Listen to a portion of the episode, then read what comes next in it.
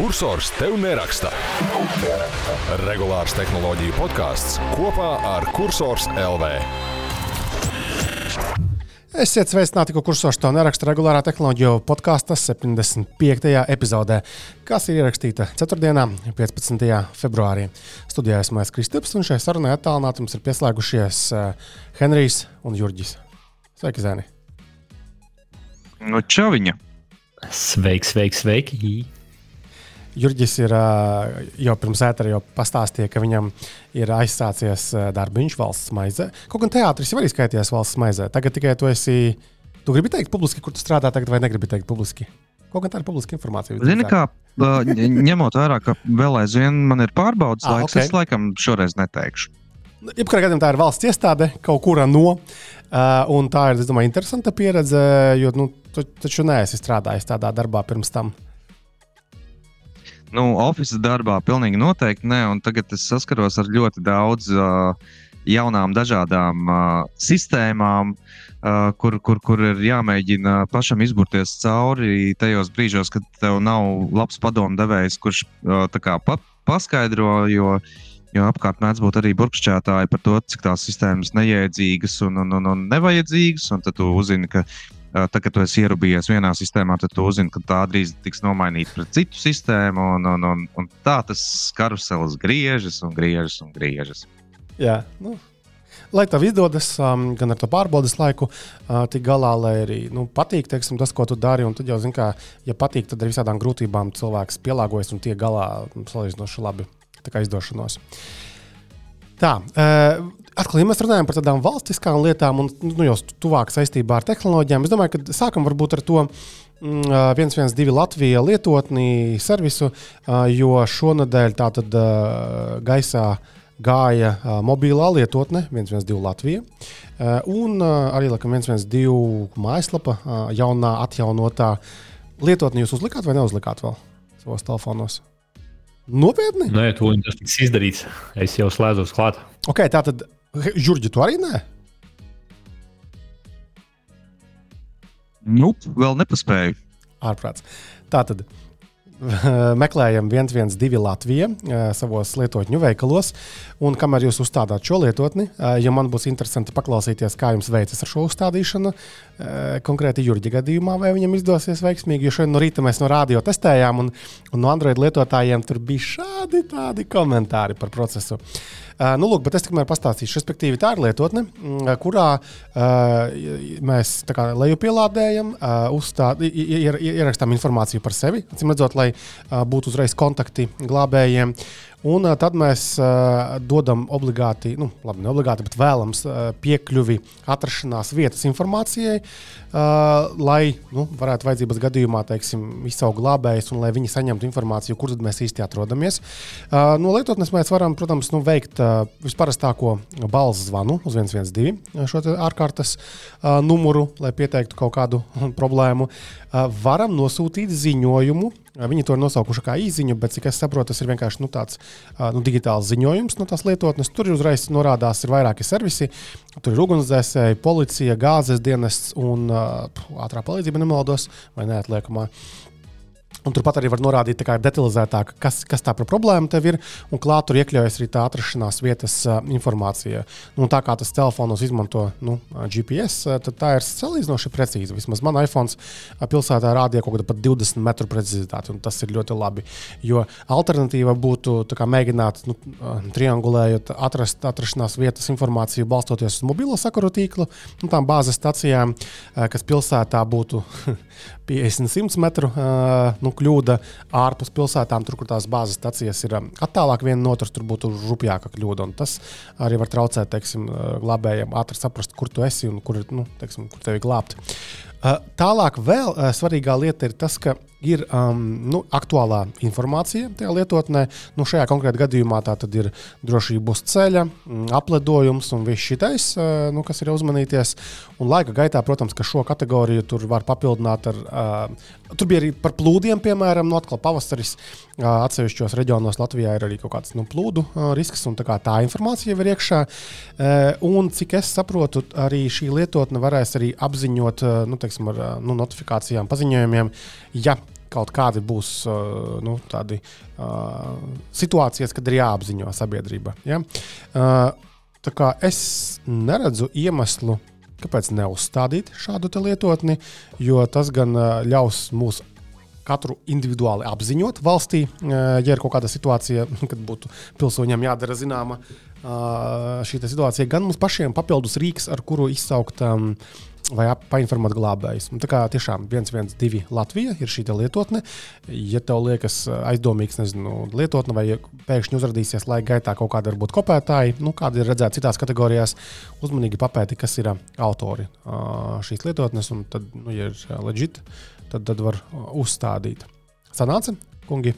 Bet tev, tev, tev, tev Androidam bija kaut kādas sūdzības, ka kaut kas nesnāca, jo man viss tā kā mierīgi Jā, cil cilvēkiem bija kaut kāda mazliet neskaidrība par to, tātad, tur, kur tu ierādi, ier, nu, rādi savu dzimšanas datus, uh, ka tur tas uh, gada uh, nu, tas, elements nebija varbūt saprotams, ka jāuzspiež virsū. Tā bija, ja? Jā, jā, jā, jā bija. Es tik, tik, tikko vairākas reizes vienkārši domāju, man tagad būs 34, uh, 34 reizes, 12 reizes jā, jānoklikšķina pa, pa kreisi, lai tiktu līdz manam uh, datumam. Yeah. Bet uh, nē, tur izrādās vienkārši uz tā gada jāuzspiež. Tur nu, viņš nav intuitīvi izdomāts. Uh, labā ziņa ir tāda, ka no rīta radio runājot, uh, tieši uzreiz arī nu, mēs šo pacēlām jautājumu. Tur bija vienam cilvēkam, otram cilvēkam bija problēmas ar šo gadu nu, saprast. un, uh, tur bija no uh, iekšlietu ministrijas arī uh, WhatsApp uz radio uzrakstīja, ka, hei, paldies, mēs redzam, ka šī problēma ir un ka viņi kaut ko risinās un uzlabos. Tā kā tiešām respekt. Uh, kad, kas seko līdzi šīm lietām un, un, un mēģinās teiksim, uzlabot šo lietu. Ja? kā Henrijam, es domāju, tev, nu, tas ir iPhone, kas ir labāks telefons kopumā, tad uh, tev viss bija kārtībā. Ja? Jā, viss izdarīts arī ar vecumu, varēja saprast. Jā. Bet to var nenorādīt. Obligāti tikai jā, numurs jā, bija. Jā, jā. Uh, lūk, jā, un tur bija tāds, man liekas, arī svarīgs ķeksītis, ka mm, ir problēma sazināties, uh, nu, kad laikam, runāt, uh, grūtības, uh, nu, lai to ņem vērā teiksim, operatori, uh, kas vai nu atzvanīt, mēģinās nu, kaut kādās situācijās vai kaut kas tamlīdzīgs. Tā kā ļoti forši, ka arī tāda informācija tiek ņemta vērā. Lūk, uh, jo man liekas, ka nu, ir tur par to, vec, tur par to vecumu ir tā, ka, ka ja tu iekļūsi kaut kādā nezinu, negadījumā, uh, tad uh, viņi automātiski jau nu, aizsūta, kad tu esi dzimis, lai, lai uz ko, ko gatavoties, vai, vai sirds drapas ņemt, vai, vai, uh, vai drīzāk kaut kādu enerģiju drinku vai kaut ko tādu. yeah. Uh, lūk, uh, tā kā tiešām arī varam aicināt mūsu klausītājus, dārgos, um, uzstādīt šo lietotni un, uh, nu, lai ir mūsu arsenālā. Ar atrašanās vietas informāciju viss jums normāli darbojas. Ja? Jo tur arī uzstādot lietotni, tu vienkārši akceptē, kad izmantojot lietot, lietotnes izmantošanas laikā, lai ir piekļuve šai informācijai. iPhone tas darbojas out of the box, Androidos. Nu, man tikai rādījās 500 metru tā precizitāte. Vismaz šobrīd. Tev vienkārši vajag šo in-app purchase, Timam Kukam aizskaitīt 50 dolārus. Man kā Androidam 20 metru precizitāte. Redz, Androids uh, viens viens uh, uzvar. Wow! Um, jā, labi. Tad tas ir uh, no tādām lokālām, man liekas, aktuālām lietām, ko mēs gribējām uh, parunāt. E, bet, kā, eh, ja jau mēs runājam par Latvijas stafu, uh, tad es gribu vēl vienu pieminēt lietu. Tad atsūtījām šodien preses relīzi uh, kāds uzņēmums, kas ir um, radījis uh, mobilo lietotni, saucās Eat in Hotels. Uh, kas pieejama gan iPhone, gan, kā noskaidroju, šodien arī Android ierīcēm. Un tur tā doma ir nu, tā, tāda, kāda arī ir aprakstā nosaukta, ka tātad šajā lietotnē uh, ir redzamas viesnīcas, un tu vari mm, iepriekš iegādāties uh, bufetes tipa brokastis, pārsvarā bufetes, uh, kādā no tām viesnīcām. Tagad sākumā, kā reiz ir baigi forši, tur ir atlaides, tur ir nezinu, pērts viens dabūsi draugam pavelti, un es paskatījos, ka vidējās tās cenas ap 20 eiro tām brokastīm ir, mm, kas, man liekas, ka ir normāli adekvāti, jo uh, Nu, brokastis viesnīcās tā ir interesanta tēma. Daudz kur ārzemēs ir, ir, ir pierasts, ka aiziet, pabrokastot uz viesnīcu, pat ja tu tur nedzīvo tajā viesnīcā, ir ok. Man prātā, teiksim, nāk Lasvegasa uh, no, no CES laikiem, kad tur ir braukāts, jo, jo nu, Vegasā paēst vispār ir dārgi, vai arī drāmīgi un dārgi. Savukārt viesnīcās tās uh, all you can eat, all day buffet ir uh, arī dārgi, bet toties, nu, tur ir rīktīgi, tur, tur ir ārprātā daudz uh, garšīgu ēdamo. Un vēl kā man norādīja, arī Eģiptes tajās viesnīcās, visās kurortos, tur arī ir tās bufetes, un tur arī nākt un, un, un ēst. Savukārt Latvijā Es neesmu baigi redzējis, ka kāds varētu baigi staigāt pa viesnīcām no brokastu, nenakšņojot viesnīcā. Brokastu šur tur, man liekas, lielajās viesnīcās, tur Radisonos tā var gan jau ka darīt.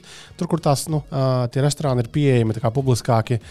Bet pārsvarā man liekas, ka tas tā īsti nav iegājies. Un tad varbūt ar šo lietotni tas varētu kaut kā pakustēties. Kā, kā jūs raugāties?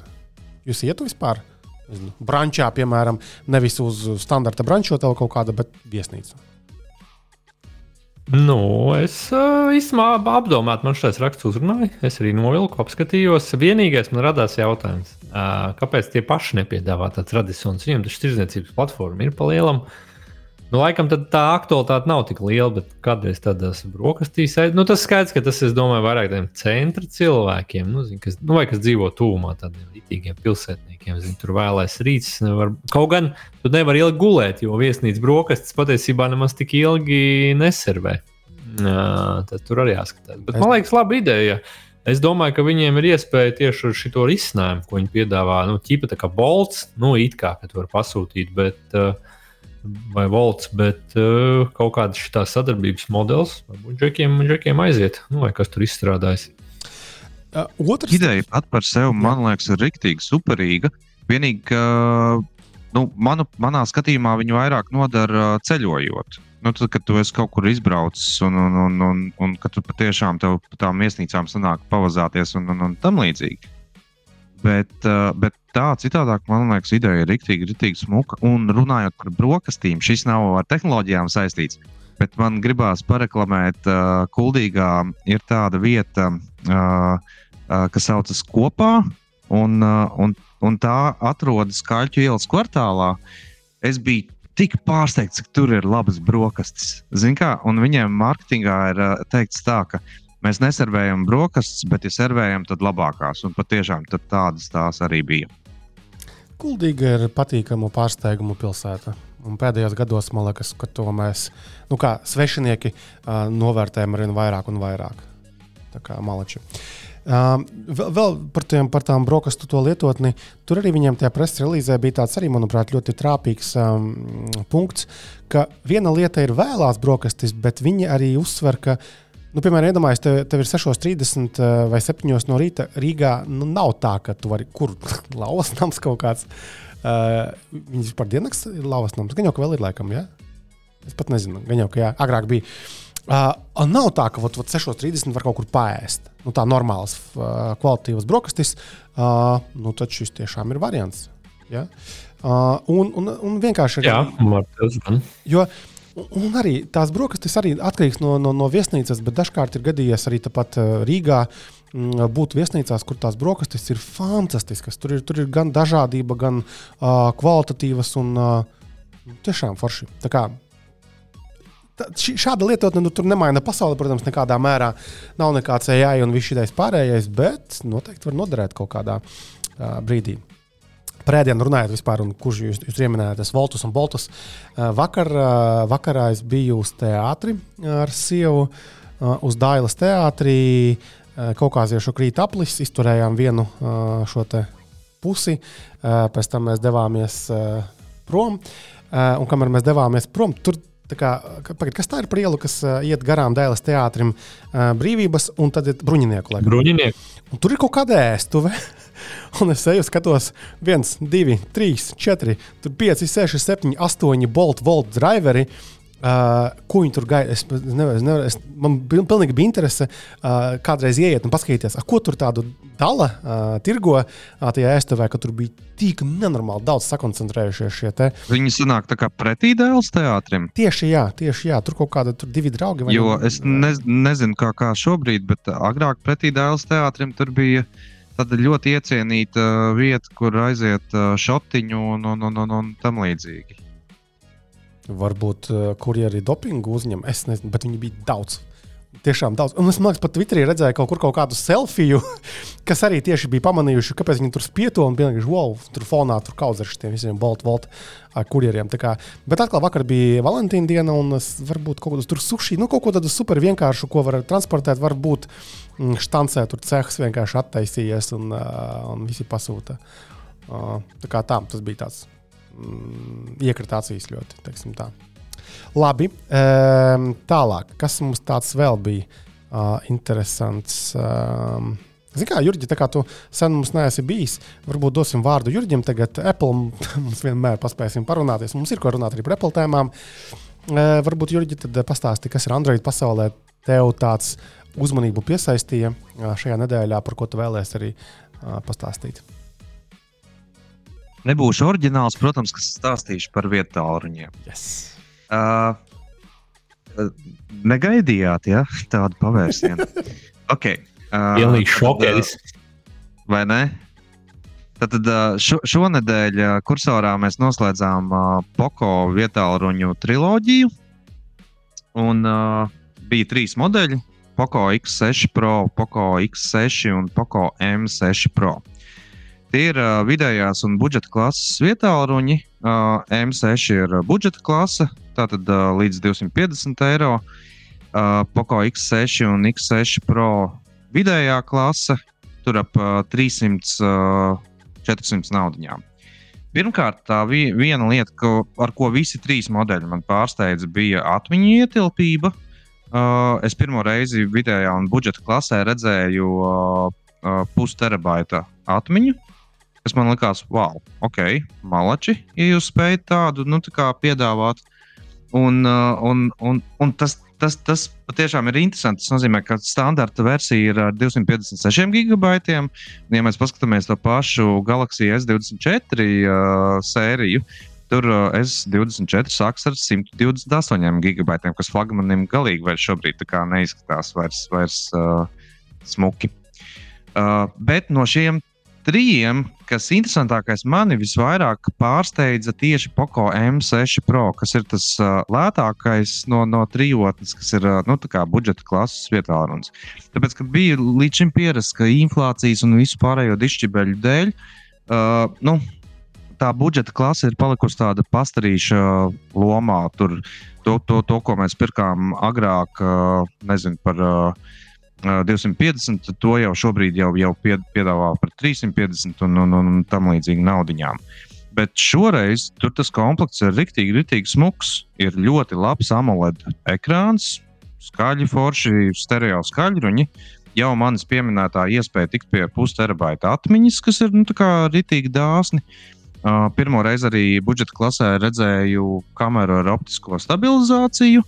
Nu, tur tas komplekts tiešām ir superīgs. Un jāuzteic komplektācija kā tāda visiem trijiem, jo visiem nāk līdzi 67 vatu ātrākais lādētājs un maciņš, kurš beidzot ir izmantojams. Jo, ja parasti, parasti tie, tie lētie silikona maciņi jau pēc nezinu, mēneša, diviem uh, oksidējas un ieņem tādu mazu bērnu urīnu krāsu, kad, kad, kad diezgan nu, nesmuki un gribās viņus nomainīt, tad šoreiz ir. Uh, melns silikona maciņš, kas nelaiž cauri gaismu. Līdz ar to viņš nemainīs arī krāsu. Un, un, uh, un ir nevis tā teikt, nu, tā kā. Uh, aizstājies tam, tam ka, kamēr tu normāli maciņu nopirksi, bet nu, jau reāli izda, izmantojam pastāvīgi forša lieta.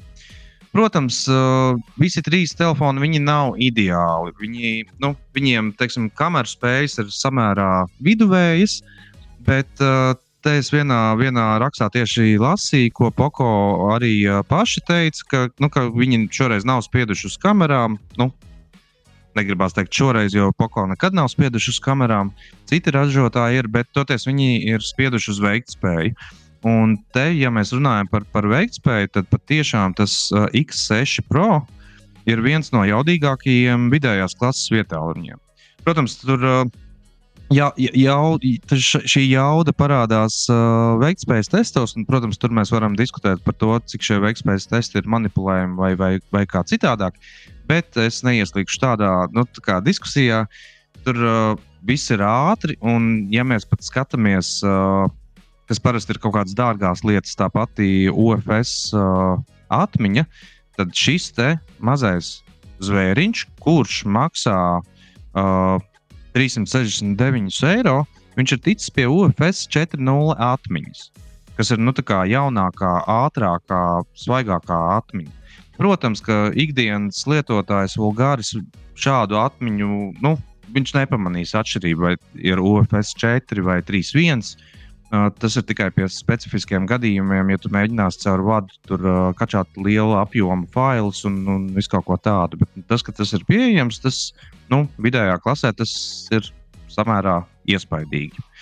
Pie mīnusiem, ko gribu teikt, ja jūs skatāties uz šiem te poko vietāluņiem, noteikti ņemiet kādu no krāsainajām versijām, noteikti neņemiet melno versiju, jo melnās versijas ārkārtīgi speķojās. Tur paliek visi pirkstu nospiedumi, un viņas ir drausmīgi grūti notīrīt. Tā kā šoreiz tas maciņš uh, reāli izglāba visu situāciju. Ok, labi, paldies. Un tad visi šie apskati visiem trīs telefoniem ir izlasāmi kursora solvē, apskatu sadaļā. Tur smuki viss ir arī par tām cenu kategorijām. Bet varbūt cilvēkiem, uh, ja nu gadās tādi, kas varbūt nav dzirdējuši par to poko zīmolu, tad um, var pirkt telefonus. Um, Tas nav kaut kāds tāds nezinu, viendienīšs zīmols.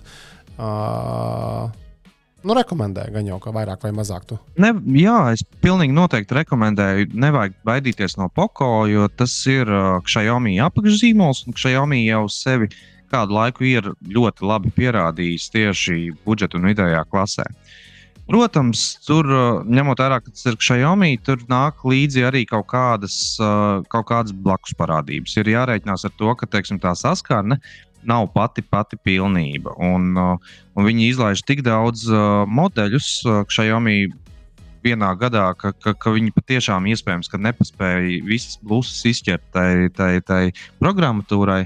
Bet, bet nu jā, ar citu Poco X6 Pro bija pirmais, ko es varēju pat patestēt ar jauno HyperOS, kas ir Xiaomi jaunā saskarne. Jo, jo Xiaomi ir aizlaidis pensijā savu MIUI. Un man jāteic, ka man bija neliela vilšanās, jo es baigi gaidīju, ka nu tik viss būs pa jaunam, nu tik beidzot būs uh, salabojuši tās, tās vainas, uh, kas bija agrāk.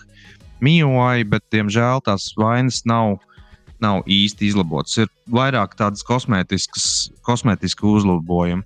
Bet uh, nu, tas jautājums, kāpēc vispār viņi nomainīja nezinu, nosaukumu kaut ko tādu, ir tas iemesls ir pavisam vienkāršs. Pavisam drīz Xiaomi grasās izlaist uh, savu elektroautomašīnu. Līdz ar to viņiem vajadzēja programmatūras pamatkodolā iekļaut uh, dažādus, uh, dažādus veidus, kā tad, uh, tā programmatūra varētu veiksmīgāk ar šo elektroautorātu sarunāties, sazināties un, un, un tam līdzīgi. Un tas ir tas iemesls, kāpēc viņi tur pārsauca šo te. Lai gan, manuprāt, viņi mierīgi varēja atstāt veco nosaukumu, jo tur tās izmaiņas tiešām nav tik lielas. Mm -hmm. Ja tu pieminējies par uh, mašīnām un par uh, telefoniem, uh, Tad um, izlaist tikai jau Polestāra fonu vai vēl nē? Laikam, ka bija vai nebija. Viņi visu ik pa brīdim parādās kaut kādas baumas un focēnas, bet uh, tā īsti ne, nepamanīja, vai viņi izlaida. Tā es skatos, vienkārši tagad ātri googlē paralēli, respektīvi, kad pirms septiņām dienām GSM arena rakstīja, ka tā Polestar phone emerges in Google Play supported devices list, respektīvi, uh, ir uh, atbalstīto ierīču sarakstā. Un, um, jā, jās... Tas ir parasti tāds indikators, ka, ka, ka tūlīt, tūlīt jā, viņam ka kaut kas arī jānāk ārā. Jā. Un uh, skaidrs, ka tas autoražotājs Polestar nu, nav tas, kas taisa to telefonu. Šeit ir kārtējā sadarbība, un šajā konkrētajā gadījumā Meizu. Meizu, man, man šķiet, ka Meizu jā, tā arī ir. Tā arī ir jā. Uh, un noteikti, ja pameklētu, mēs varbūt arī atrastu, mm, kāds konkrēti modelis tas ir uh, Meizu.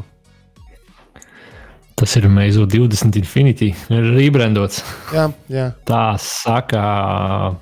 Notebook check vakardien. Tā kā droši vien tā ir svaigākā informācija. Jā, jo es tieši redzēju rakstu par šo, un, un tam tāds jautājums. Okay, es, es, es par mašīnu Piedod, Kristap, es par mašīnām ma maz ko zinu, bet uh, Meizu taču arī nopirka kaut kādu mašīnu kompāniju. Uh, vai tad? Pašu meizu, meizu, jā, kā tādu. Un es tagad baidos samalot, vai tas nebija tas gīlī vai, vai kā viņi tur izrunā. Mm, nezinu, iespējams. Bet uh, pagaidi, stop. Ah, jā, Vokur, Meizu and Polestar are both Geely subsidiaries. Yep, um, Jā, tā tā arī ir. Aha, un tā ir tā pati kompānija, kam pieder arī šī London Electric Vehicle Company and uh, the majority of Lotus cars. Nu, respektīvi, jā, Gilijam tur, tur, tur viss pieder. Uh, bet uh, tam man tāds jautājums, mm, Tesla taču ir kaut kādos tur baumās bijis, ka tur Tesla telefons būs boom, kur ir Polestar uh, telefons. Kāda jēga? Nu, kā, kaut kāda zīmola dzenāšana uh, apkārt praktiski iegūma taču nu, nu, nav. Diez vai kāds tur baigi Praktiski, nu, integrēsies. Es, es stipri stip šaubos, vai viņi tur dzelžu līmenī ir kaut ko tādu izdomājuši, ka pēkšņi nezinu, tas telefons kļūst par stūri vai, vai, vai kaut ko tamlīdzīgu. Uh, protams, tur var būt runa par uh, UVB sa savienojumu, kas ļauj Atslēgā, nu, kā, izmantot kā atslēgu tev to telefonu mašīnai. Un tur var būt kaut kāda iespējams veiksmīgāka integrācija ar, ar, nu, nezinu, ar, ar tiem pašiem ekrāniem, paneļiem, vispārējo, bet, uh, bet to tāpat nodrošina programmatūra. Es pieļauju, ka es ar savu Nothingu un, un, un, un uh, Google kāru vai, vai kādu uh, Android auto vai kā viņš īsti tur sa, saucās, varētu izdarīt tieši to pašu. Nu, Ok, bet nu pavērosim, protams, jo tas izskatās pēc kaut kādas tendencijas. Uh, Sony noteikti arī vakur taisa to mašīnu savai, gan jau, ka tur būs kaut kāda integrācija ar telefoniem. Ja Sony tajā brīdī, kad izlaidīs masās to mašīnu, vēl taisīs telefonus.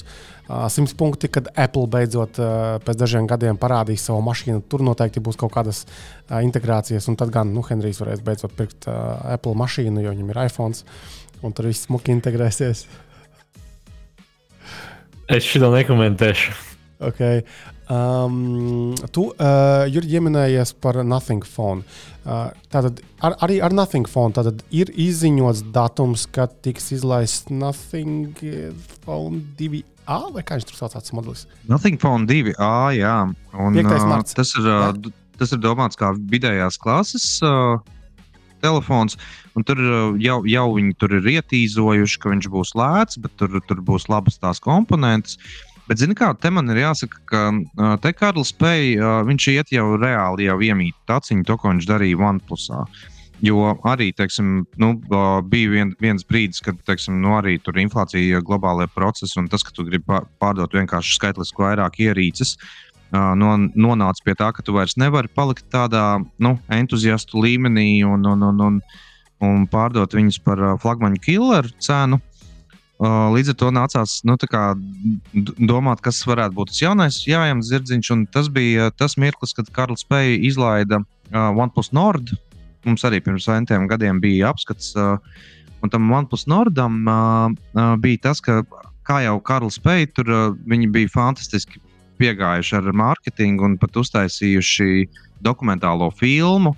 Uh, man gan to dokumentālo filmu gribas likt pēdiņās, nedaudz dokumentālo, jo, jo tur viņi ļoti, ļoti. Uh, manā izpratnē diezgan uh, asprātīgi bija uzsvēruši to, to kā viņi nabaga cieši Covid laikā un cik, cik grūti ir uh, projektēt vietālu runu. Un, un, un, nu, emocionāli, forši, nu, forši piesaist un, un, un, un tam līdzīgi. Vienādi sakot, uh, tas uh, garais stāsts īsumā ir tāds, ka uh, bija ļoti daudz mārketinga aktivitātes, un viņi patiešām bija uztaisījuši ļoti, ļoti labu vidējās klases vietālu runi. Uh, bet es neteiktu, ka, ka labāku nu, kā, kā, kā, kā pārējie. Es zinu vienu cilvēku, kurš, kurš vēl aizvien to nordiņu lieto, un, un man liekas, ar uh, Nothing uh, 2A tur ir ļoti, ļoti līdzīgs gājiens. Tāpēc, ka Karls Pējs ir sapratis, ka Indija ir ļoti labs noiet tirgus. Indijai neko super dārgu nevajag. Uh, tur vajag uh, bliest tieši uz uh, vidējo klasi, un neba vēl tā ir uh, arī statistikas pīrāga lielākā daļa, kur tad uh, diezgan liels kāposts arī slēpjas. Un, un, un manuprāt, tāpēc tas gājiens tāds ir. Tur bija tā, ka GSM arēnā bija uh, uh, parādījušies kā, nu, kā attēli, un tad bija paziņojums, ka, ka tas ir fake. Un, un, un, un, nu, tur, bet, zini, kā man, man vēl aizvien kaut kā ķecerīgi šķiet, ka, ka tas viss arī tad, kad noplūst kaut kādi attēli un parādās, ka tas ir fake, ka tas vienalga ir pārdomāts mārketings, lai tikai tu gada griezumā visu laiku pievērstu uzmanību Mhm. un, un, un, un, un tam līdzīgi. Un tādā ziņā jau cepuri nost. Uh, Karls Pēja nav mazais bērns. Viņš jau māca, un viņš jau ir pierādījis no OnePlus laikiem, ka viņš māca ielikt spotlightā savas ierīces. Tad vēlreiz 5. martā prezentēs ja, to Jā. telefonu. Būs, būs, būs uh, 5. martā. Tur ir jau zināmas pāris specifikācijas. Būs uh, 5000 mAh akumulators. Visticamāk, kameras būs tādas pašas kā Nothing Phone 1. Uh, Viņi uh, jau tur izlaiduši arī kaut kādu tīzerīti, un tur viņi paziņoja, ka viņš būs lētāks. Es gan nezinu par ko. Es stipri šaubos, vai viņš būs lētāks par uh, Nothing Phone 1. Es domāju, ka tur viņi domāja par Nothing Phone 2, ka viņš varētu būt lētāks. Tas mm. nevis viņš. Kā tā vējais Nothing Phone darbojas? Viss ok? Man darbojas viņš pārsteidzoši labi. Man, uh, uh, man tik, tikko atnāca uh, Android 14. Un par to gan es esmu patīkami pārsteigts, ka tā atjauninājuma regularitāte ir pārsteidzoši laba. Neskatoties to, ka nu, tomēr tas ražotājs nav baigi liels un uh, tas resurss viņiem arī ir uh, stipri mazāks kā konkurentiem, bet vienalga atjauninājumi nāk. Un, un jā, es esmu ticis pie ļoti stilīga, forša soļu skaitītāja, piemēram, uh, vai, vai, vai, vai, vai dusmīgas seņas, kas man parādās, pārāk ilgi esmu izlā, izmantojis savu vietu, un, un, un, un tam līdzīgi. Ne, nu, for, forši, kičīgi un stilīgi jau viņi taisa visas tās lietas. Zin, Un, uh, un, par, un par pašu fonu viens var teikt, uh, tas nolietojums man praktiski viss, viss viņam apmierina. Vienīgais, uh, ka nu, bačena gan ir nu, tā degradējusies. Tūlīt būs divi gadi, un, un es jū, jū, jūtu, ka, nu, ka kā, uh, tas lādētājs tomēr jā, jāpanes, uh, jā, nu, jāņem līdzi uh -huh, uh -huh. brīdim. Par tiem atjauninājumiem man liekas, ka uh, tas ir daļēji attieksmes jautājums. Nu, ja uzņēmums uzskata, ka viņi grib būt tie pirmrindnieki, uh, kas piedāvās atjauninājumus, un otra tomēr svarīga lieta ir arī tāda, ka, nu, iedomājieties, tev ir Samsung, uh, kuram tur nezinu, 11 kā minimums. Uh, telefoniem ir jāsagatavo šis atjauninājums, tur jāpielāgo, jānotestē. Tas ir viena lieta, un, ja tev ir divi modeļi vai viens, uh, tas ir pavisam citādāk. Un tad, protams, ka tu vari burāt tajā virzienā krietni vienkāršāk. Lūk. Okay. Uh, Zini, kā varbūt padarām? Uh, tagad pašķēdīsim ar Apple tēmām, un tad uh, Androidam atgriezīsimies, lai nav zini vienos vārtos. Uh, tā tad, Henrij. Es domāju, ka uzreiz varbūt pie tā Vision Pro. Tā tad vienkārši interesanta tēma, super aktuāla tēma. Uh, Latvijā, nu, mēs esam pamanījuši, es nezinu, vai mēs runājām pagājušajā reizē vai nerunājām, ka uh, Latvijā ir. Tu jau... teici, ka tev kolēģis laikam atvedis. Es noskaidroju, nē, viņš vēl nav atvedis viņu. Es, es, es kolēģis, cik noskaidroju, šodien būs pēc divu nedēļām ar, ar to mūsējo Vision Pro. Bet uh, Evelatus ir atvedis uh, kaut kādas vairākas ierīces, nu, kaut kur nopirkuši, dabūjuši. Un uh, viņi labā ziņa ir tāda, ka uh, savos veikalos viņi kaut kur uh, piedāvā iespēju arī kaut kādā mērā redzēt arī citiem. Vai, vai tur tādā diezgan slēgtā režīmā? Kā tas ir, Henrij? Vai nezini vēl? Es jau godīgi sakot, nezinu. Es sapratu, ka viņi ar zināmiem influenceriem kaut ko tur sadarbojās, iedod. Un, un, nu, tur tas Geskins bija dabūjis. Lai, vei, lai veikala darbinieki, nu jā, tas Bens, bet es nezinu, no kurienes droši vien jau. Turpat es, es redzēju kaut kādu integrācijas viņam, ka tur ah, bija viņiem, jā. Nu, jā. Tad, protams, viņi savā starpā lai izglītotos, jā. Bet es pieņemu, ka veikalā droši vien, kad kaut kā jau parādīsies ar laiku, kaut kā jau Un, Nomārketēt jau vajadzēs. Es, es, es domāju, ka tur, tur, tur, tur varam nesarežģīt vienkārši uh, tiem, kuriem interesē, vienkārši pasakojam evalātus komunikācijai, sociālos tīklos. Nu, viņi runā par šādām lietām, ja tas viņiem ir aktuāli. Un tad, ja tāda iespēja būs, nu, ka tā no ielas vienkārši mēs varam tikt pie tām ierīcēm, vienkārši paskatīties, uh, tad gan jau tā informācija arī būs. Un uh, arī Henrijs centīsies izmantot šo iespēju kaut kādā mērā tā arī, lai, nu, lai mums kādam ir jau praktiska. Mm, pieredze, kaut minimāla, tādu nu, pirmo iespēju. Un, ja tas tā arī realizēsies, tad mēs, protams, arī gan podkāstā, gan arī gan jau kursorā raksta formātā tā īsumā pastāstīsim, nu, kas tas ir un, un kā tas reāli izskatās un kā darbojas. Yep. Nu jā, tā jau redzēsim nākamnedēļ. Tad būs skaidrs, ja sanāks. Tad, tad jau man būs točs viedoklis. Bet, ja mēs uh, pie, paliekam pie šī Vision Pro uh, tēmas kā tādas, uh, tad viennozīmīgi šī gada, nu, it īpaši nu, teiksim, pēdējā mēneša laikā nu, šī ir top tēma. Tātad katru dienu ir kaut kādas nebūtu ziņas, vai pat ne ziņas, vienkārši raksti uh, par tām ierīcēm. Un man liekas, vairāk patika šajā nedēļā, ka uh, bija birums ar, ar, ar, ar, ar rakstiem, ka cilvēki atgriež atpakaļ tās ierīces. Nu, tā viņi nopirka un, laikam, izmanto to iespēju, cik to divu nedēļu laikā atgriezt, lai saprastu, ka vienkārši nu, nav aršana, nav vajadzīgs viņiem. Viņi, viņi patestēja, paskatījās, padižojās, attaisīja selfijas un, un viss atdeva atpakaļ un savāca tos 3,5 tūkstošus ASV dolāru atpakaļ. Es šeit redzēju noteikti šīs ziņas. Jā, es tieši gribēju to labi, kad iesāku šo tēmu. Jā, es arī man kaut kā iekrita acīs Twitterī, ja Biksā. Kā tiešām nu, parādās tās bildes, un es domāju, ka tie nav fake. Kaut kādi arī visādi, visādi satura radītāji, protams, Amerikā pāri okeānam. Tad tiešām atgriežas, jā, viņi ir izmēģinājuši, bet nu, atgriežas atpakaļ. Katrā ziņā, jā, es domāju, šis būs, būs interesanti pasakot, jo droši vien kaut kāda informācija uzpeldēs. Es domāju, tas atgriešanās būs ļoti liels. Tas atgriešanās skaits procentuāli pret pārdotajām būs ļoti, ļoti, ļoti liels. Bet tad uh, ir e-vēlātus, kas uh, nopērk. Mm -hmm. Viņi tur baigi neko neatgriezīs. Jā. Bet tas ir normāli. Nu, kā, nu, mēs jau runājam, jau to epizodi, ka nu, tas nav produkts, kas masām ir noderīgs jau tagad, bet tā ir iepazīties ar šo te potenciālu nākotnes tehnoloģiju, nu, Apple izpildījumā. Ir noderīgi, interesanti un why not?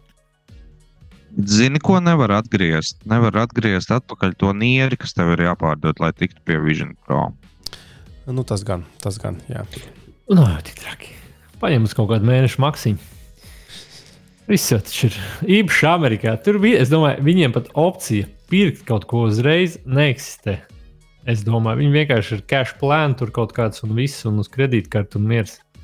Kā es domāju, amerikāņi pilnīgi citādāk skatās. Un es, starp citu, man liekas, ka Mēs te daudz runājam, ka šito pērk uzņēmumu, bet es varu darīt, ka tur lielākā daļa ir nopirkusi privātie. Nu, tādu, nu, protams, labi, nu, teiksim tā, vai influenceri var dēvēt. Nu, influenceris gan laikam tomēr uzņēmums. Īpaši Amerikā uz to visu lielu auditoriju viņš tomēr kā uzņēmums daļēji, bet nu, viņš vairāk ar to pelnu tālāk maizīt, tā, jā, tā kā, bet es domāju par to finansu. Amerikā ir pilnīgi citādāk šo skatās. Cik labi, ka bet tas ir eh, labāka finanšu pratība. Ja? Mums? Es nezinu, nu, mums ir citādāk domāšana. Es pat nezinu. Starp, nav jau teiks, ka viņiem ir nepareizi. Palielam, ka tev jau galvenais ir naudas plūsma. Tu tāpat kādreiz nomirsi. Kāda tev starpība no tā, ja godīgi? Tu labi dzīvo, izbaudi savu laiku, kamēr tu esi uz šīs zemes ar uh, foršām, paplašinātās realitātes brīvēm. Labi, bet uh, ejam uz priekšu. Jā, nu, Motivational speakers, Henrijs. Ir ritīgākais. Jā, nu, viss ir realitīvs. Uh, jā, nu, mēs tur baigi gribam nerunāt, bet nu, viena interesanta ziņa bija, ka Viņi mēģina ierobežot, nu, Kristofers, tu vienkārši pārspējas pats sevi atkal nomainot man virsrakstu, jo man liekas, ka pornogrāfisks saturs jau nav tik briesmīga ziņa.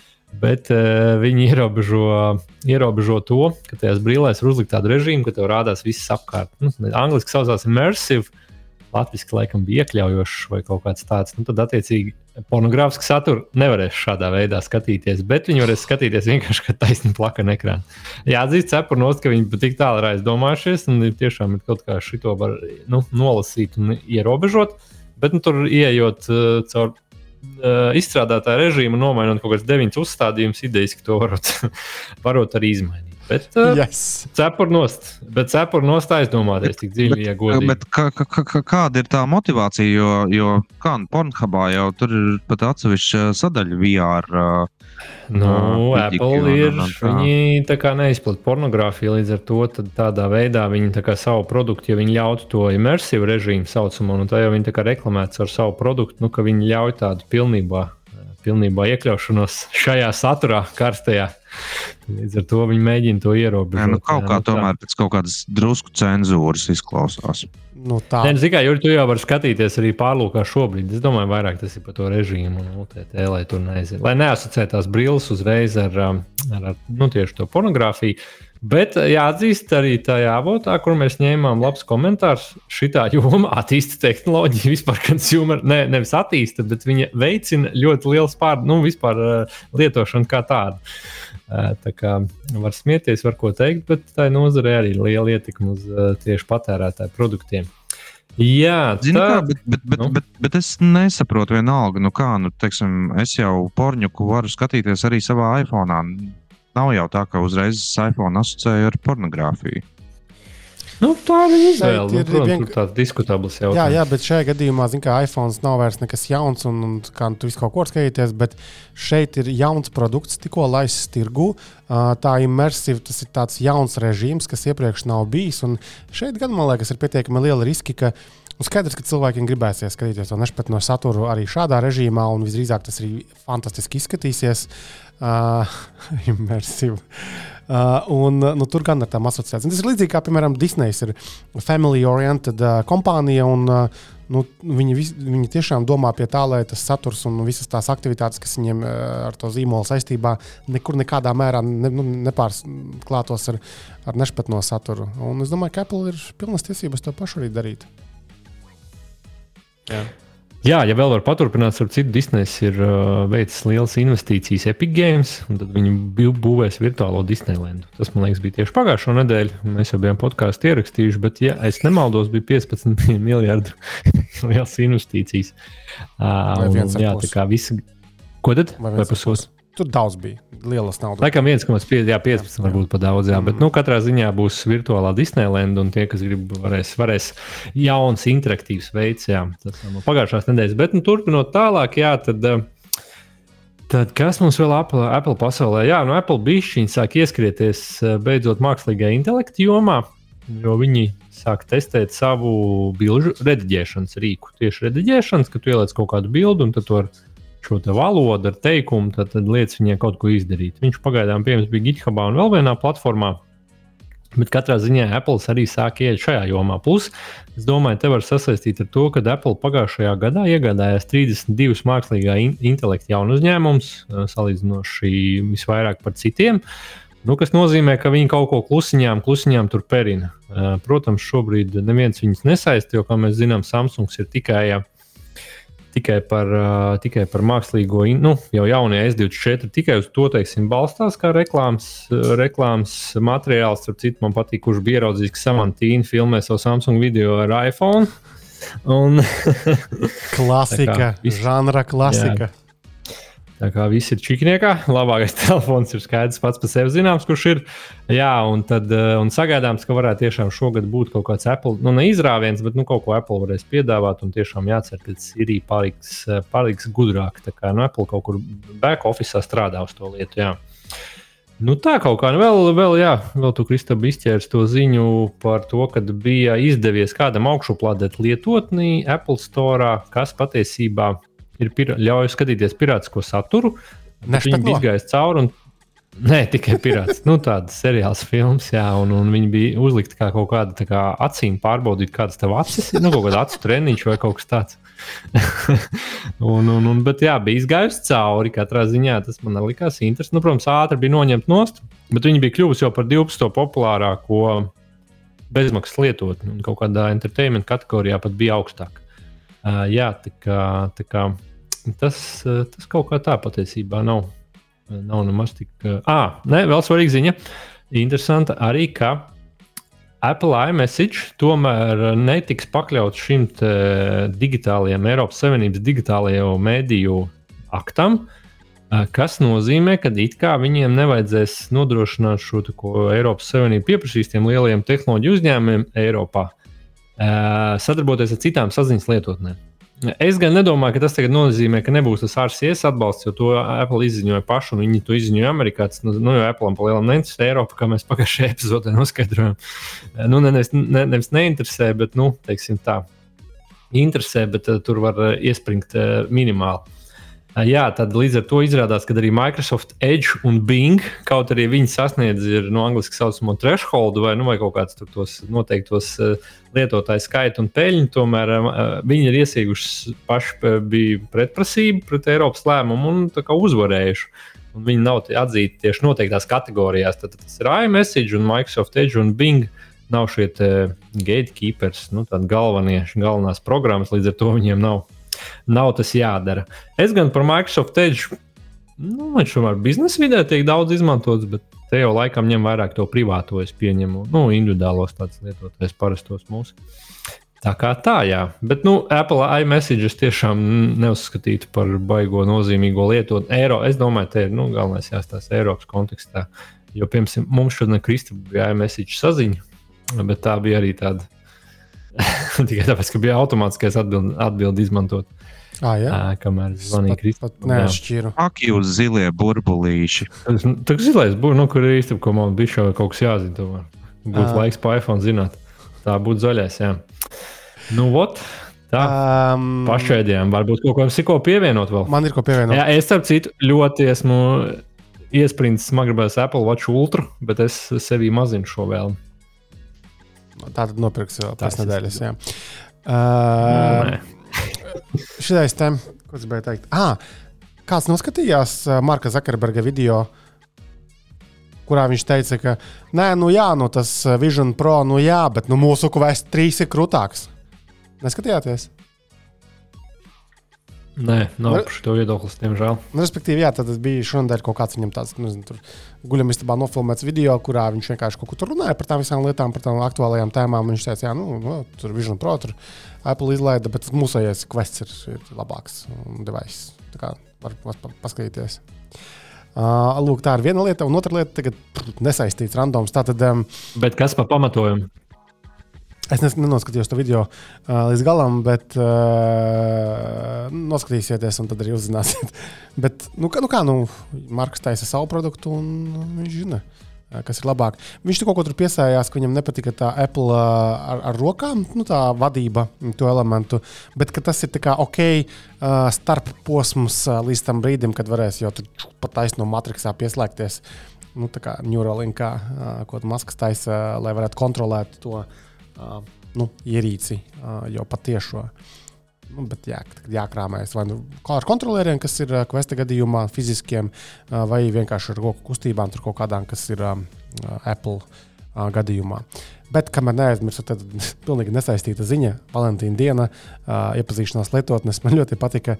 Tātad kaut kāds programmētājs uh, Amerikā kaut kur uh, bija mēģinājis iepazīties, izmēģinājis tādu sociālo tos, tos, tās lietotnes, uh, bet tas nevainagojās ar panākumiem. Tad viņš sapsihojās un uzprogrammēja lietotni kaut ko tinderveidīgu, uh, kurās būtība bija tāda, ka tu vari iepazīties ar viņu. un es atcerējos Evelīnu Parkeri. Ka tikpat labi viņa varēja sataisīt lietotni, kurā lielam galvenais un vienīgais boss ir viņa.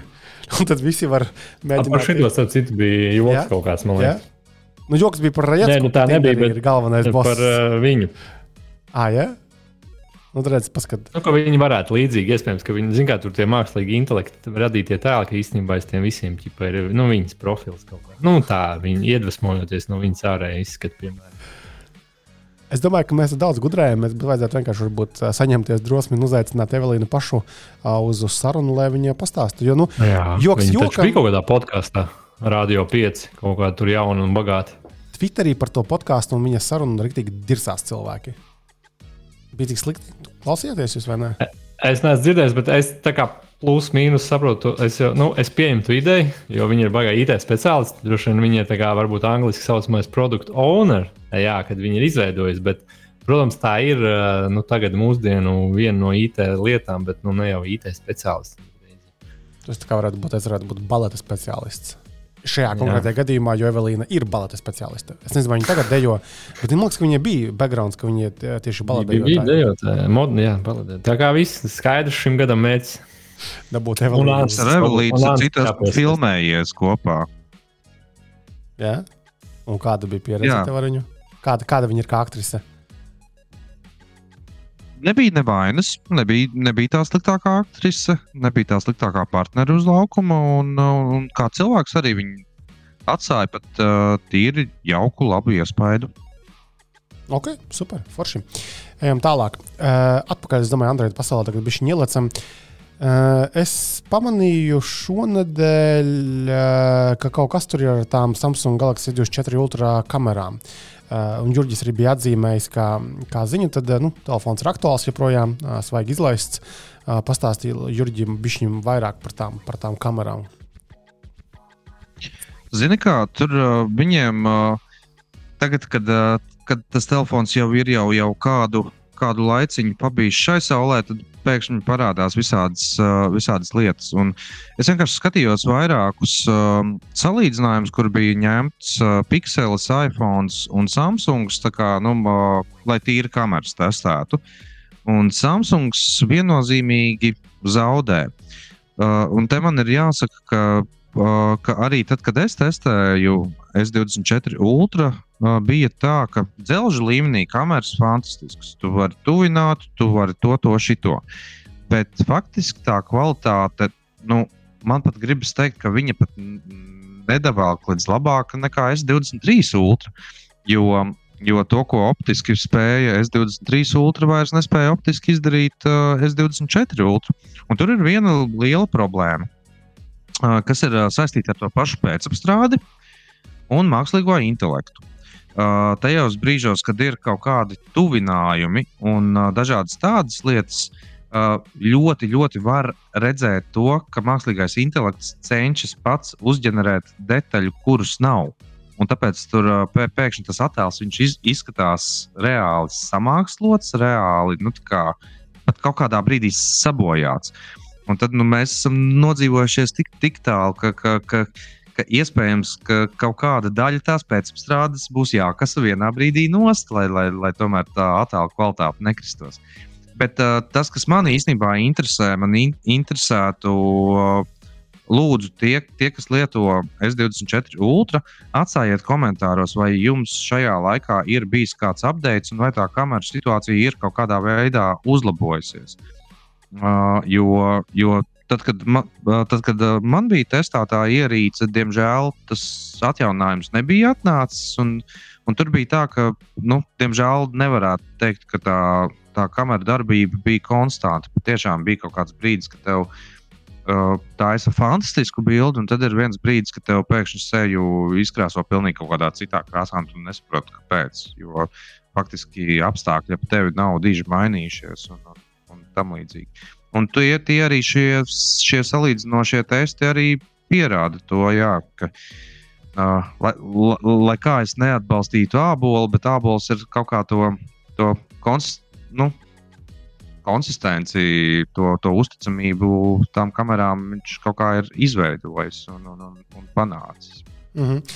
Bet uh, mēs arī esam par to pašu runājuši, un arī man prātā nāk uh, kāds Samsung, kaut kur tur bija rakstos um, izteikums, ka nu, kas mūsdienās ir īsta fotografija. Nu, nekas tur vairāk īsts nav. Un, uh, visi uh, kaut ko tur piezīmē klāt. Es nerunāju pat par tik vienkāršām lietām kā krāsu, tur, tur balansu piemeklēšanu un viss šis, bet reāli piezīmē klāt lietas. Televizoros apskēlīgā tas jau sen notiek, uh, telefonos arī jau sen notiek. Tad, nu, kā nu kuram sanāk? Tur Google, piemēram, ir maleči, ka pat uz knapiem salīdzinoši kameru dzelžiem spēja wow, wow, wow lietas izdarīt. Apple arī vairāk vai mazāk sanāk, nu, pārējiem nu, tā. Un šo var patiesībā ļoti, ļoti just um, uz visādiem nu, ķīniešu uh, teiksim, zīmolu telefoniem, kuriem ir bijusi nauda uzražot ierīci, nopirkt no Sony varbūt uh, sensorus, bet vēl nav laika, zināšanu, spēju to softu pieķūnēt tā, lai varētu izvilkt salīdzināmas kvalitātes attēlus. Jo vieni un tie paši sensori kamerām tiek izmantoti dažādām ierīcēm. Un, uh, tas ir tas pats joks, ka, piemēram, kāpēc uh, sensori, uh, Sony sensori iPhone'os labākas bildes dabū laukā nekā Sony telefonos. Atkal mēs esam runājuši to entās reizes. Uh, un tāda ir vienkārši realitāte mūsdienās ar tiem telefoniem. Tāpēc, tāpēc jau ķīnieši met, metās uz vienu roku ar uh, lielajiem vārdiem. Nu, tas pats uh, Xiaomi uh, ar, ar Leica. Un uh, pagājušajā gadā, kad es apskatījos to uh, 13T Pro, kas nu, manās rokās tas bija pirmais Xiaomi veikums ar, ar, ar Leiku, nu, tur tu pēkšņi redzi, ka tiešām tie uzlabojumi ir un viņi ir ļoti, ļoti labi. Uh, un pēkšņi tās kameras vairs nav kā nu, uh, pastarītas, bet viņas ir nu, pēkšņi liekamas vienā plauktā ar, ar lielajiem puišiem. Nu, līdzīgs stāsts uh, OnePlusam ar Hasselblad. Nu, tur, tur, tur gan bija vajadzīgs laiks, lai, lai, lai, lai parādītu, ka tiešām tur tā ir tā draudzība, tā laulība ar Hasselbladu ir atmaksājusies, bet uh, man, man šķiet, ka pagājušais gads arī tieši ar OnePlus 11 to, to pierādīja. Mm. Runājot vēl par OnePlus. Uh, bija vēl arī ziņa, mm, ka tātad. Salīdzinoši nu, svaigs telefons, labi, pavisam svaigs telefons, tāda OnePlus 12R. Uh, un ka tur kaut kas ar veiktspēju nav līdz galam rīktīgi. Tas noteikti papētīja, kas, kas tur īsti ir un nav. Es pa, pa, paskatījos, tur vienkārši acīm redzot, bija cilvēki, kas bija sacerējušies, ja, uh, ja OnePlus 12R izmanto pagājušā gada 8 Gen 2 uh, Snapdragonu, uh, tad, uh, tad jau automātiski tas nozīmē, ka, ka izmantos arī UFS 4.0, tātad uh, jaunāko, ātrāko, jaudīgāko atmiņu. Uh Mhm. -huh. Bet tā, tā tas īsti nenotiek, jo tā kā 12R tiek uh, pozicionēts kā uh, flagmaņu uh, slepkava tieši kā reizi uh, par salīdzinoši labu cenu, sākot no 699 eiro, kas šobrīd nu, ja, jau skaitās maz par flagmani. Uh, tad līdz ar to iespējams, ka cenas samazināšanas nolūkā viņi ir izvēlējušies to UFS 3.1 atmiņu, nevis uh, 4.0.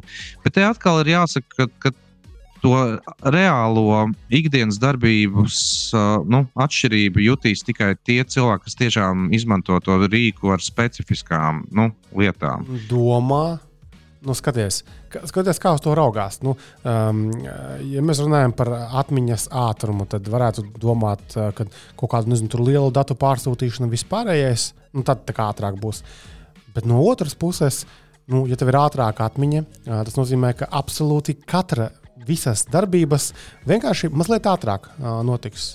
Tāpēc es liektos tomēr uzskatīt, ka ātrāka atmiņa uh, var pārtrumpot nu, kaut kādus citus pat parametrus. Ko domā Jurģi par to? Var, var, es, es tev piekrītu, bet zini, kā man, nu man jau pa lielām šaibām liekas, ka tomēr ir sasniegts kaut kāds tas tehnoloģija pīķis, ka tu vairs bez mērīšanas.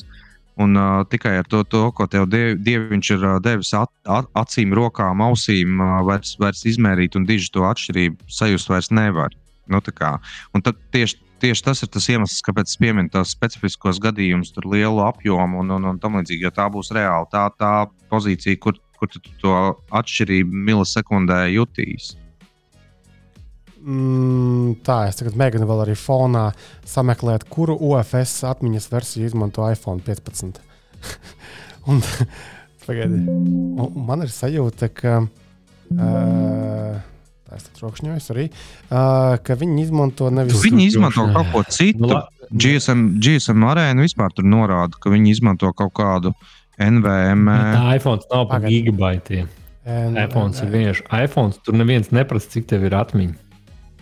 Vienkārši iPhone. Kāda atmiņa? Ja tev vajag atmiņu, tu paņem iCloud. Klausies, Henrij, tev ko vajag- mēs te runājām? Nu, nē. par gigabaitiem nerunājām. Man liekas, ka viņi izmanto kaut kādu pa tipu, jā. 3,1 vai 3,2. Uh, vismaz daļā no modeļiem.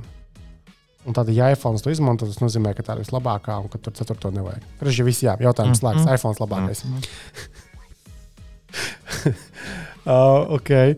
Labi, uh, tad Androidi, tad tā kā tikām skaidrībā, kas jauns šonadēļ ir bijis Bet mākslīgi. smējies, vai nē, man darbā, piemēram, dos iPhone. Tāpēc, ka pieņemu tikai drošības pēc, to var izdarīt. Kā tev neiet, ne? teiktu Jurģis. Bet, uh, jā, kas mākslīgā intelekta jomā mums ir jauns? ja mēs runājam par mākslīgo intelektu, tad man nāk Nu, prātā, pats iesaka, pats, Jā, jā, pats, pats es Es jau biju arī. iemetis pa Apple. Jā. uh, tad pagaidiet. Um, um, Nav jau tur vairs nekā. Ah, nu, piemēram, UPS. Nu, labi, nu, tas jau bija tāda piepušķotā ziņa. Uh, bet UPS atlaid savus darbiniekus 12,000, un kur daļēji tieši oficiālniekus. Nu, bet labi, viņiem grūts laiks vienkārši ekonomiski. Viņi atlaiž oficiālniekus, un daļu darbus varēs aizstāt mākslīgais intelekts. Tā kā man arī mums, oficiāliem darbiniekiem, īstenībā var pat visi runāt, kad zina, kā pa kvalifikācijas celšanu UTT, bet patiesībā redz, kur, ja tev vajag nogādāt preci līdz gala klientam, tas ir vērtīgāk nekā šobrīd visādi nu, tādi oficiāli darbi, ko var reāli automatizēt un aizstāt. Tur ir visu laiku atkārtojas. Jā, nu, tas var būt šim pievilkt. Bet nu, droši vien, ka tam UPS patiesībā vienkārši ir bijis grūti laiki. jā, visdrīzāk, ka tur citi iemesli, kā jau komentāros mums arī tur rakstīja, ka nu, kad mēģina paslaucīt zem uh, mākslīgā intelekta tepiķīša. Bet, nu, Bet noteikti. es domāju, ka taisnība tur kopumā, bet tā ir saucamā robota. Tas ir no mākslas, tā ir robotizācija. Tieši tā, un- Šo rutinizēto darbību. Jā, jā, jā. Un es, un, un, kā, un es uzskatu, ka tādos ir īpaši biznesos, kā kaut kāda loģistika un, un, un kaut kāda sūtījuma. Tur taču tik daudz ir automatizējumu lietu, ka varbūt arī tas ir diezgan sagaidāms virziens.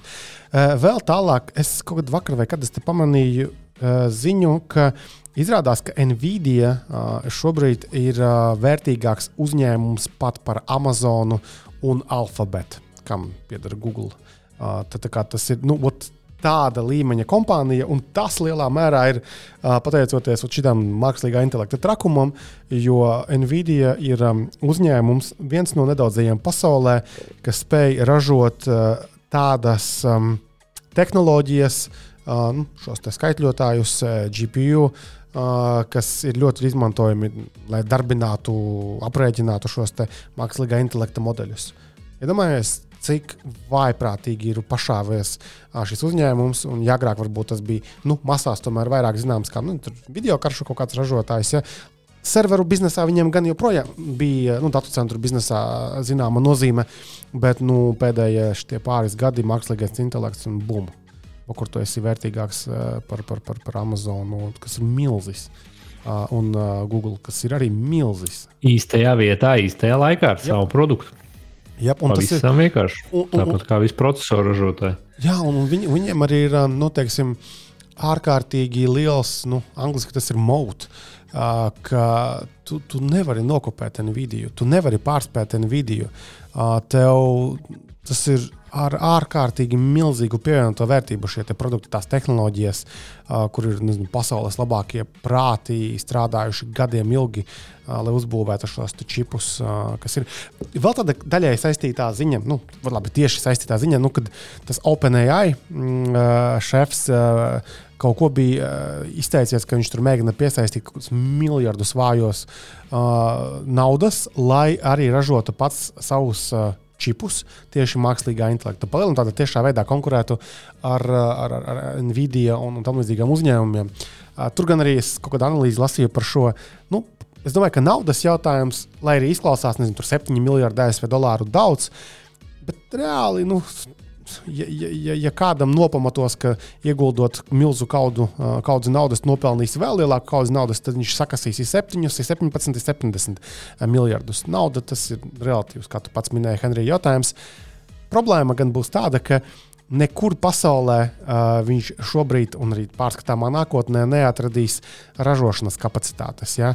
Ne uh, TSMC spēs saražot šos čipus, jo TSMC visdrīzāk pasaulē ir vienīgā kompānija, kas spēj saražot uh, šādās smalkās tehnoloģijās. Un, un viņi ražos Apple un Nvidia. Uh, tas ir viens. Ja tie vien nemaksās vairāk. Mm, pat ja arī maksās vairāk, nav iespējams ātri palielināt ražošanas kapacitātes. Jo tam, pie, piemēram, tam pašam ASM vai ASML vai AMSL, ASML, tāda Nīderlandes kompānija, kas ražo ekipējumu, aparatūru priekš čipu ražotājiem, nu nav tā, ka viņiem tur noliktavās mētājas tās, te, tās litogrāfijas ierīces nu, tāpat bez darba. Tāpat viņi to katru ierīci gadiem ražo, un tas viss maksā miljardos. Tas ir vaiprātīgi sarežģīts uh, un dārgs bizness, un tāpēc OpenAI var visu kaut ko gribēt. Uh, naudu viņi var dabūt, ko mēs tagad arī redzam. Uh, bet vai viņi var spē, spēj ātri ienākt uh, čipu ražošanas biznesā? Mm, tas tā gluži nedarbojas. Bet nu, būs interesanti pasakot. Uh, man liekas, ka tendences ir acīm redzamas. Nekur mēs netiksim, diemžēl, no tā mākslīgā intelekta tuvākajā laikā, gan ziņu virsrakstos, gan nu, vispār aktualitātēs kā tādās. Uh, Vēl, uh, kas man nāk prātā, bija Amerikā laikam, pieņemts lēmums, uh, jeb, jeb, jeb, jeb likums, ka um, nedrīkst robota zvanos izmantot um, mākslīgā intelekta ģenerētas balsis.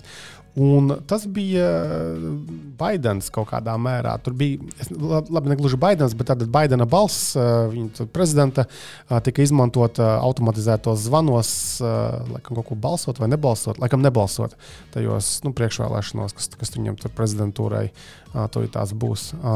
Tā kā, jā, tas laikam bija tāds neviens negrib nestabilitāti, negaidīt un labāk aizliegt šīs lietas. Kas gan jau ir loģiski. Iedomājieties, to zvanīs kaut kāds, nezinu, tava bērna balsī vai kaut kāda ģimenes locekļa balsī. Par šo mums tā kā jau baida sen. Nu, bet ar mūsdienu tehnoloģijām tas pats Elvis Strasdiņš ir uh, parādījis, uzskatāmi, ka tas nav nemaz tik sarežģīti. Kaut kur tev ir jāievāc uh, kaut kāda cilvēku sarunātais, viņš viņu apstrādā rīkiem, un bams, tu pēkšņi runā kā Skutelis, Jurģis vai Henrijs. Tas, tas nav nekāds pārsteigums. Te gan es vēl gribētu piezīmēt par robotu zvaniem. Tātad atgādināt, ka mums pāris epizodes iepriekš bija, manuprāt, ļoti interesanta intervija saruna ar CSC Telekom pārstāvi, kur mēs tieši arī skārām šo robotu zvanu tēmu un ne tikai tad, tad, kā, nu, jomas uzņēmuma pārstāvja skats uz, uz, uz šo tēmu. Lūk. Kas vēl bija kaut kas tāds mums? Šonadēļ, man liekas, tad mākslīgā intelekta tēmas bija klusākas. Uh, Kaut kad jau ir jāapklust, jo nu, es teikšu, es palikšu pie tā, kurš vēl izteicās, vai to arī, ka nu, nekāds mākslīgais intelekts jau nav. Tā ir vienkārši lielo datu modeļu izmantošana. Un jācer, ka mēs nonāksim līdz tam intelektam, bet tad, kad mēs līdz tam nonāksim, tad viss būs. Tad gan jau varētu sākties problēmas. Jā, par to arī visi baida. Es gan vēl vienu skaidru. Jā, mm -hmm. es pamanīju vēl vienu lietu, respektīvi, uh, tātad, nu, Google pagājušajā nedēļā pārsauca savus bārdus par Gemini. Un uh, Gemini ir, ir tas viņu tas, tas, tas, nu, modeļu kop, kopas nosaukums. Tur bija vairāki tie Gemini modeļi. Uh, viens bija, kas bija on-device uh, palaižams, tad bija kaut kāds tur mākonī, tad tur vēl kaut kāds bija trešais mākslinieks variants.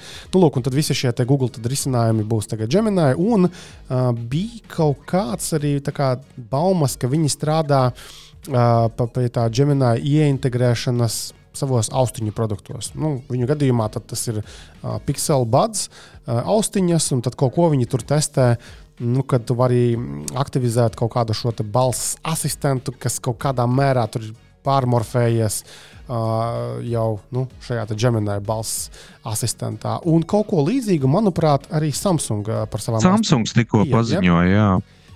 Un tās sāk izskatīties pēc tendences. Un atkal, tas, ko mēs runājām, liekas, pirms dažām epizodēm, ka nu, ot, līdz šim mums ir tāds Sirija, ja, kas ir diezgan tups risinājums. It kā tu vari kaut ko predefinēt, tur pajautāt, kaut ko viņi tev var atbildēt, kaut kur aizsūtīs visdrīzāk pārsvarā uz Vakurtēlu safari, ej meklē tālāk pats. Bet šie jaunie chatboti nu, pēdējā gada mm, laikā ļoti popularitāti iemantojušie. Nu, tie arī mēģinās atbildēt. Nav svarīgi, pareizi vai nepareizi, bet viņi nemetīs tevi uz Google. Viņi vienkārši mēģinās tev kaut ko tur atbildēt, atbildēšanas pēc. Nu, tas ir jau, man liekas, interesants rezultāts. Šajā, šajā ziņā bija interesants uztaisīts tas uh, produkts. Man liekas, kursors arī rakstīja par, uh, par to rabitējai. Mm. Jā, tas... kastīti. Tur, tur, tur viņi smuki, smuki ar to kā, tika galā. Es pat paskatījos pāris video un, un tiešām kā, nu, forši labi. Es gan, protams, neredzu jēgu tādai atsevišķai kastītei, jo man, manuprāt, to tīri teorētiski tu vari integrēt arī nu, telefonā, es pieļauju. Un, un, un tā, bet, uh, bet stilīgi, protams, tā tā, tā kastīte bija. Bet atgriežoties bišķiņ, bišķiņ apakaļ par to, ko mēs runājam par tiem iPhone. iPhone nemaz neizmanto UFS, izrādās. iPhone izmanto NVMe. Lai, lai, lai, lai, lai kas tas arī nē, nebūtu. Nē, nē, nē, nē, nē, nē, nē. UFS ir. Uh, uh, Pagaidi. Hmm. Tiešām tās ir divas dažādas lietas. Nu, zināt, kā es domāju, ka jāpagaida. Un šī te varēs 5 minūtes pievērsties šim jautājumam mm. nākamajā podkāstā. Vai arī iespējams, ka es jaucu kaut ko. Nē, nē, nē. Tā. Tā. Bet nekur neparādās, ka iPhone izmanto to OFS. À, tātad tiešām tie ir divi dažādas pieejas, kā veidot atmiņu. Tātad OFS storage Uh, ir tātad, uh, būvēts uz kā zisteka, uh, kamēr NVMe ir uh, tātad storage stack designed specifically for managed NAND devices. Okay, te, tās tiešām ir divas dažādas lietas. Man kaut kā likās, ka viss ir NVMe atmiņa. Uh, Šitā te mazā, bet nav. Ok, ok, interesanti. Jo iPhone tiešām tad ir uh, uh, citādāk. Jā. Uh, Um, ko es vēl gribēju? Ah, ja mēs runājam par tādiem jancīgiem, tu tur abi pieminēji, bet mums bija mm, šonadēļ arī Henrijs. Tur rakstīja par to Freeride Alpha. Pastāsti plašāk, kas tas ir. Ah, jā, jā, taisnība. Jā, tas tāds interesants. Tā arī es nemaldos, bija kādā platformā, kopā pūļu finansējuma vākšanas, jā. bet ne, ne tajās ierastajās bija kaut kāda vēl jaunā uzlacošā. Tad tur bija tāda tā kā klaviatūra ar mazu ekrānu. Nu, ar domu tādu, ka mūsdienās ir tik ļoti daudz uh, lietas, mums uh, novērš uzmanību, un arī, nu, piemēram, mēs tagad esam portatīvajā, ja, tad, vai, vai galda datorā, nu, tev viens un divi viegli pārslēgties starp 150 lietām, jo vienkārši, nu, tev ir smags ekrāns priekšā krāsains. Nu, tad viņi uztaisījuši tādu, principā, tā kā klaviatūru, jā, kurai augš, augšējā daļā ir 13 centimetri garumā un, un 2-3 centimetri augstumā. Uh, uh, ekrāniņš. Un principā viņš vienkārši domāts, ka tu tikai raksti. Tas ekrāns arī ir LC, LCD. Uh, tā kā ķipa, tā kā bezkrāsains, bet nu, sataisījuši tāds, lai ir labi izšķirtspēja un ātri atjaunojas. Kaut kas līdzīgs kā kalkulatorā izskatītos tas ekrāns. Vecajā labajā kalkulatorā, ko mēs atceramies, jā, un tad tikai raksti, tas teksts saglabājās. Uh, nu, ekrānā un saglabājās, un tad caur bezvadu internetu, tad viņš aiziet pie mums Dropbox, varēja saglabāt vai Google šīdos, piemēram, vai nu, tādā veidā, kā tekstu saglabāt. Jā, tā tas domāts tādiem, kam, uh, kuri tiešām grib nu, daudz rakstīt, bet grib to darīt uh, pilnībā netraucēt. Nu, protams, tas ir tāds.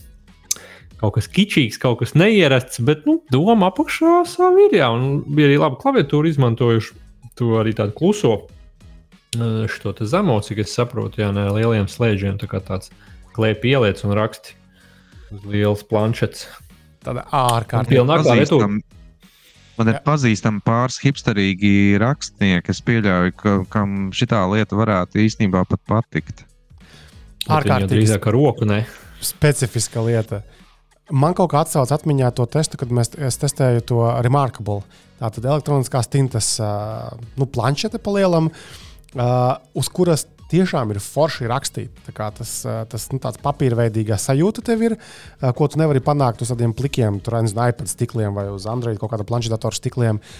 Bet tas, principā, bija arī viss, kas bija forši tajā ierīcē. Viss pārējais tur bija lietotne tāda, visas tās sinhronizācijas, tādas lasīt grāmatas uz tās ierīces bet tikai rakstīt krūta. Un šitais arī vēl. Bet, uh, Henrijs, skatos, ka tu biji arī autors, kas sagatavoja rakstu arī par to Tangara uh, iPod alternatīvu. Pastāsti, kas tas ir. Ah, vēl viens, jā, es tieši visu aizmirsu, visas labās lietas. Jā, tas ir vēl viens gan Indīgo Go projekts, kur mm. vienkārši viens uzņēmums ir izdomājis, nu, ka viņi uztaisīs veco labo mūzikas atskaņotāju pārnēsājumu mazo, kas ļoti, ļoti, ļoti izskatās tieši pēc uh, pirmā iPad tiem pašiem pirmajiem, kas iznāca, ka tā bija revol, ļoti revolucionāra ierīce. Nu, viņa diezgan pabieza. Es precīzi neatceros, bet nu, man liekas, bija kaut kāda 2 cm. Tā kā nu, kabatā ielikt, tad točnu redz. Cigarešu paciņa. Pīpēt mēs neiesakām nu, nevienam, protams, jā, bet, tā. bet izmēra ziņā kā cigarešu paciņa, manuprāt.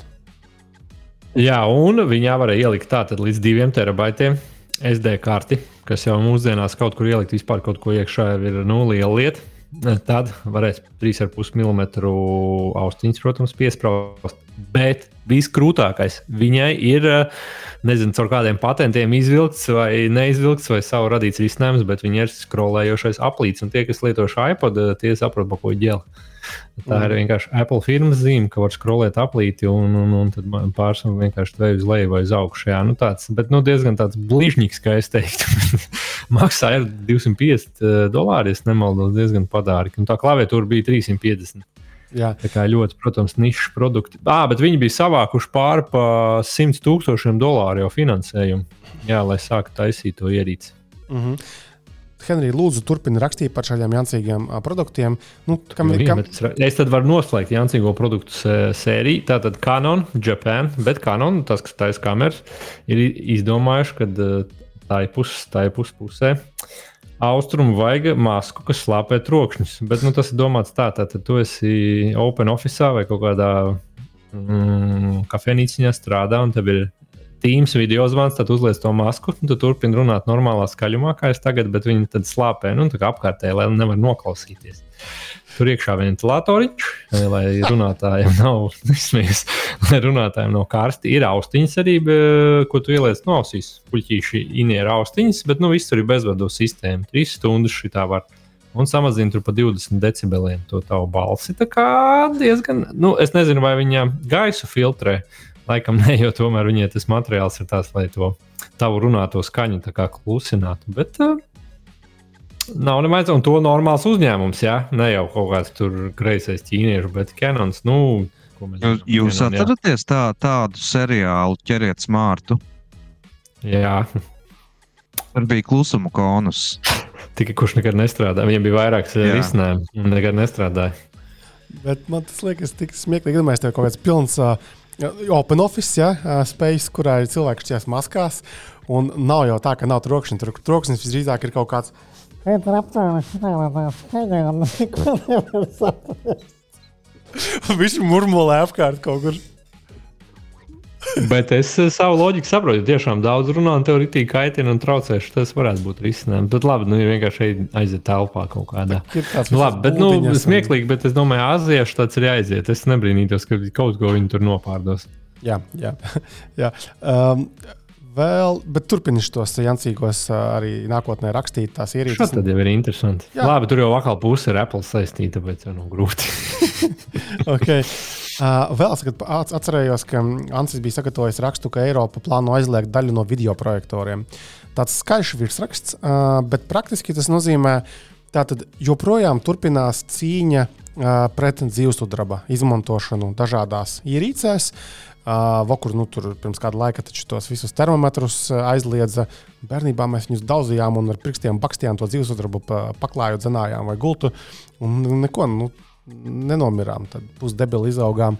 Uh, bet tagad tātad, tie ir aizliegti. Uh, tad zivsudrabs pulzēs kaut kādās visādās tika izmantots. Tas tika aizliegtas. Tagad mēs tur ledus izmantojam kaut kādus necilvēcīgās temperatūras krāsu. Uh, un uh, tagad beidzot viņi ir aizgrābušies tie birokrāti līdz uh, projektoriem. Nu, protams, ka pārsvarā vecāka gada gājuma projektori vai specializētāki projektori izmanto lampas. Un, atcīm redzot, tajās lampās projektoru arī kaut kas no dzīvesudraba ir bijis. Ja? Tagad e, tā problēma daļēji risinās ar jaunākām tehnoloģijām, jo tev ir tie lāzera uh, projektori, tev ir kaut kāda LED apgaismojuma tie projektori, un tur nav šīs problēmas. Tie netiks aizliegti, bet, ja mums ir vecāks projektors, uh, iepērciet lampas laicīgi, kamēr tās ir pieejamas, jo pēc gada diviem uh, būs krietni grūtāk tikt lampu projektoriem. Tās lampas nav bezgalīgas, tev tur izdeg viņas ar laiku, jeb tās. Un, jā, nu, lūk, birokrātija rūpējas par, par to, lai uh, delfīni varētu dzīvot neskarti. Lūk. Bet tagad var uzdot retorisku jautājumu, kas būtu dabai draudzīgāk. Vai tagad, kad kā sāks pārdot jauns projektors, viņus saražos un kāds viņus pirks, un šitos metīs ārā, vai atstāt šo dzīves sudrabu?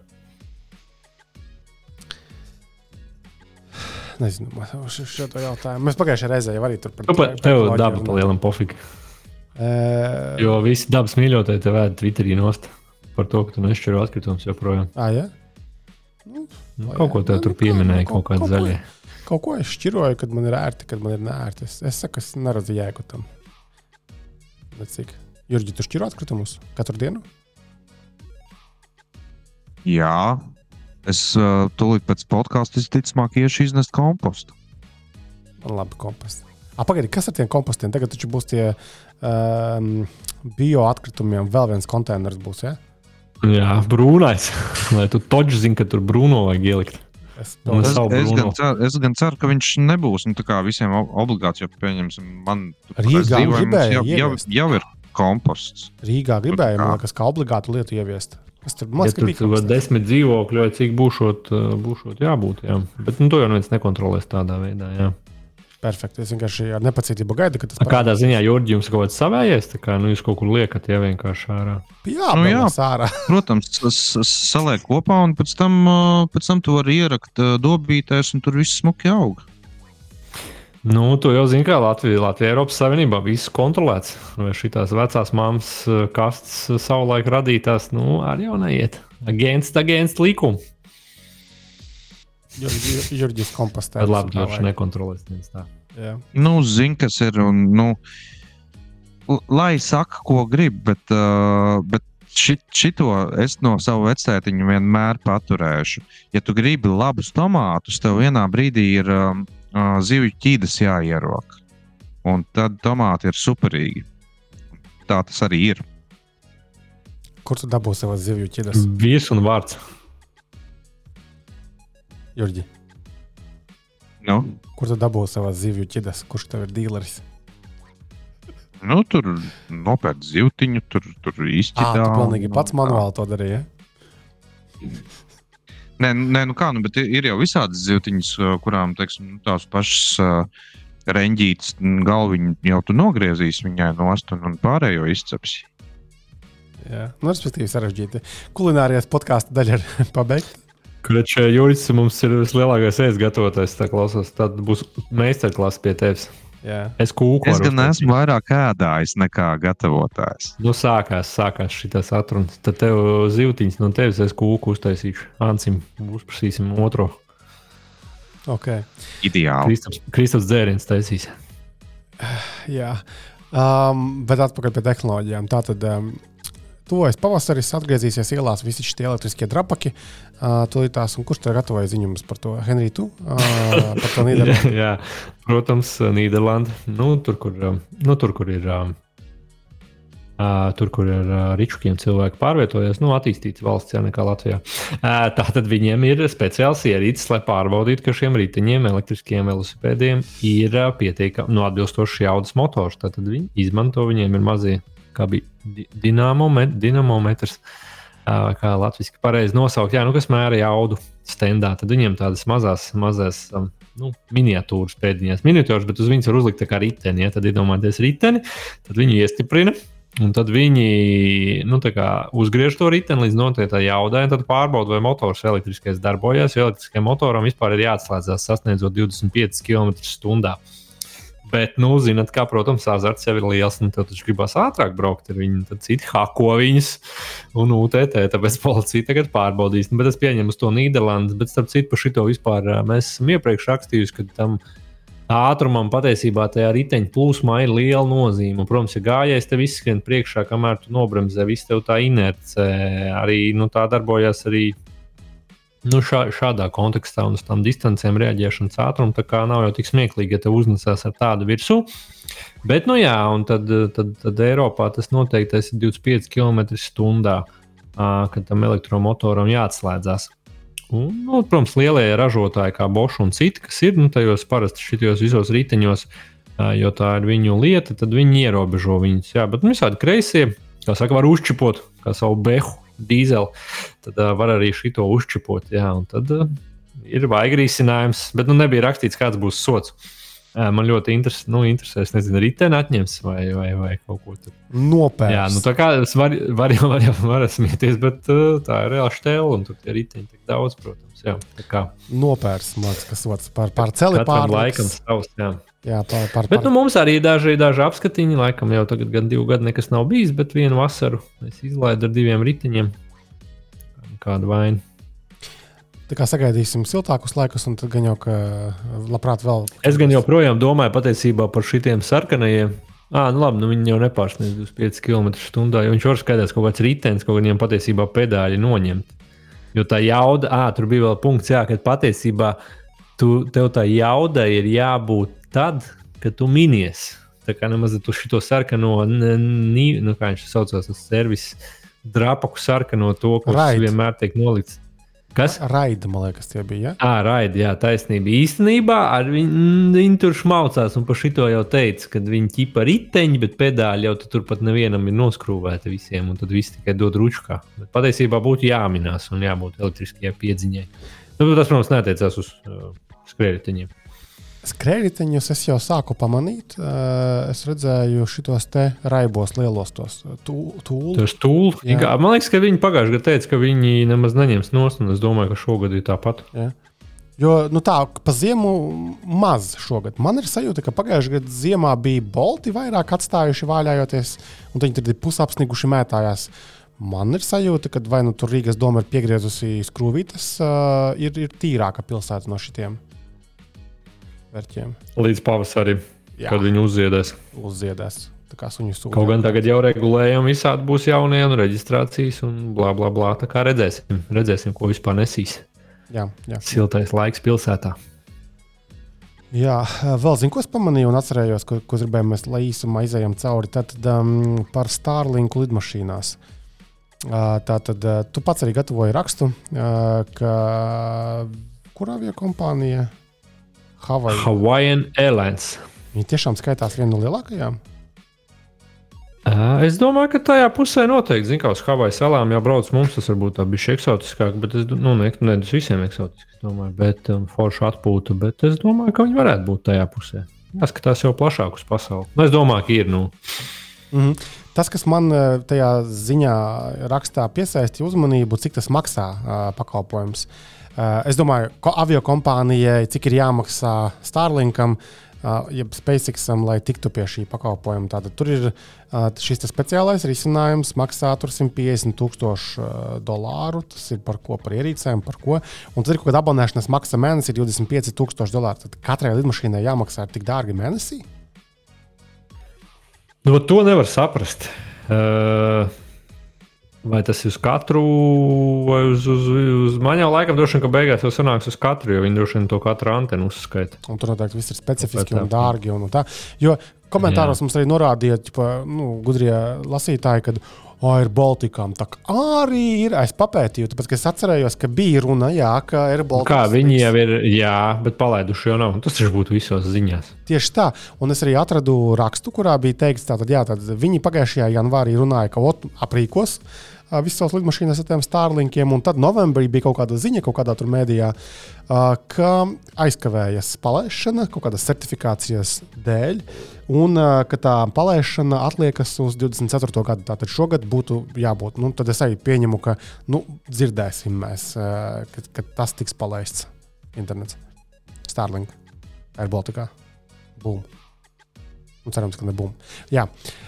Lūk. Nu, Ziniet, kā Starlink mājaslapā ir tā, ka viņiem ir plāns pa gigabaitiem un unlimited. Bet tā uz sitienu tur nav rakstīts, vai, ā, vai tas ir pa iekārtu, teiksim, vai, vai par visu plānu. Protams, ja tas būtu 25,000 uz visām lidmašīnām, tas nav tik traki. Bet nu, katrs tas aparāts droši vien jāuzliek pa 150. Ā, Tas gan ir sālīti. Jā, jā. Pagājušajā gadā, kad es lidoju uz Ameriku, es lidoju ar SASU. Un Tur arī bija iespēja tikt pie, pie interneta uh, lidmašīnā. un uh, Es gan neizmantoju to, to iespēju. Tur, man liekas, es neatceros, cik bija. Nebija baigi augsta tā maksa, tur bija kaut kāda 15 dolāri vai, vai kaut kas tamlīdzīgs. Bet, um, bet uh, tas, ko es atceros, es atceros, ka tur bija teikts, ka uh, ap, ap Grenlandi, tad, kad tu esi virs Grenlandes, tad tas internets var kļūt lēnāks, jo tā ir tā vieta, kur acīm redzot, vai nu kaut kāda satelīta nomainās, vai, vai, vai nu, kaut, kaut kas tur viņiem ma ma mainās. Un, un, un tas, tas faktiskais internets tā, tā jau ir relatīvi lēns, un, un, un tad, tad jārēķinās, ka ap Grenlandu viss pasākums kļūst vēl lēnāks. Nu, šitais jau tieši tā tā lieta. Tā jau viņi ar saviem sa- satelītiem būs, protams, super ātrs. Un otrs ir, arī nodro, um, nebūs šie pārklājumi traucējumi. Tas arī bija izcelts. Tā kā nu, gaidām, kad ir Baltiks, ne, es domāju, ka tas viss galīgi nav tik vienkārši. un Tur tomēr ļoti daudz drošības riski, domāju, īpaši paceļoties un nolaižoties, un, un viss tā komunikācija. Mm. Tā kā labāk šito lietu droši vien, ka, lai sakārto, un varam jā. droši lidot. Bet eh, es domāju, tas būs, būs labs, kurš pirmais, nu, pēc iespējas ātrāk, kurš šito ievieš. Es domāju, ka tas uzreiz ir baigais, baigais bonus. Un man liekas, ka no tā ir vairāk jēgas un arī, uh, arī, arī teiksim, tēls labāks nekā kaut kāda ņemšanās ar NFT. Nekā no plēnīs. Jep, jep, jep. Lūk, ok, labi. Um, Jā, vienkārši skaužu tu īstenībā gribētu vienu iegādāties patiesībā. var vēl? Vai nevar? Man liekas, ka visu laiku ar viņiem tur tagad, es nezinu, tur jau, man liekas, viņiem aizgājis vienkārši mārketinga kampaņa, tur tas NFT vai vispār ir vēl pamatā. Jā, būtu labāk vispār runā, nopirkuši vēl vienu. Okay, uh, vai ir vēl kaut kāda lieta, ko mēs gribētu obligāti pieminēt, vai arī uh, pabeidzam šo jauko sarunu, kamēr mēs esam vēl draugi? Nu, sveiciens Ansim, kad viņš klausīsies. Ja viņš klausās, tā lieta. Pat, pat tad, kad viņš nepiedalās, viņš, viņš tāpat klausās. Un tad viņš, jūs tur pieminējāt to un šito. Viņš jau parasti klausās tikai tos, kuros viņš pats piedalās, jo viņš eh, pats ir teicis, ka viņš grib dzirdēt savu balsi. Nu, bet tā kā mēs Nu, mēdzam, mēs, mēs jau mēdzam pieminēt arī, arī viņu, tā, kad viņa nav, un tad man liekas, ka viņš nevar nenoklausīties. Viņš jau podkāsts jau arī viņa bērniņš principā ir. Viņš jau nevar tā palaist vaļā. Pat ja varbūt viņš tā bravūrīgi saka, ka, oi, nu tas jau tur tā, un es netieku tur, bet nu, sirsniņā jau ir kaut kur. Kā Henrijs pats teica, arī aizbrauc ceļojumā kaut kādā, bet nu, bez mums tu nevari nedienu nedomājot par mums. Man, man jāteic, ka es arī biju noilgojies pēc jums, un tāpēc bija šovakar ļoti forši papļāpāt. Nu, redz, super. Ok, labi. Tad uh, vēlreiz jāpaldies uh, jums, darbie kolēģi, par uh, sarunu. Paldies klausītājiem, ka klausījāties mūs. Tiekamies pēc nedēļas. Atā, atā, atā. Nu tā. Čau!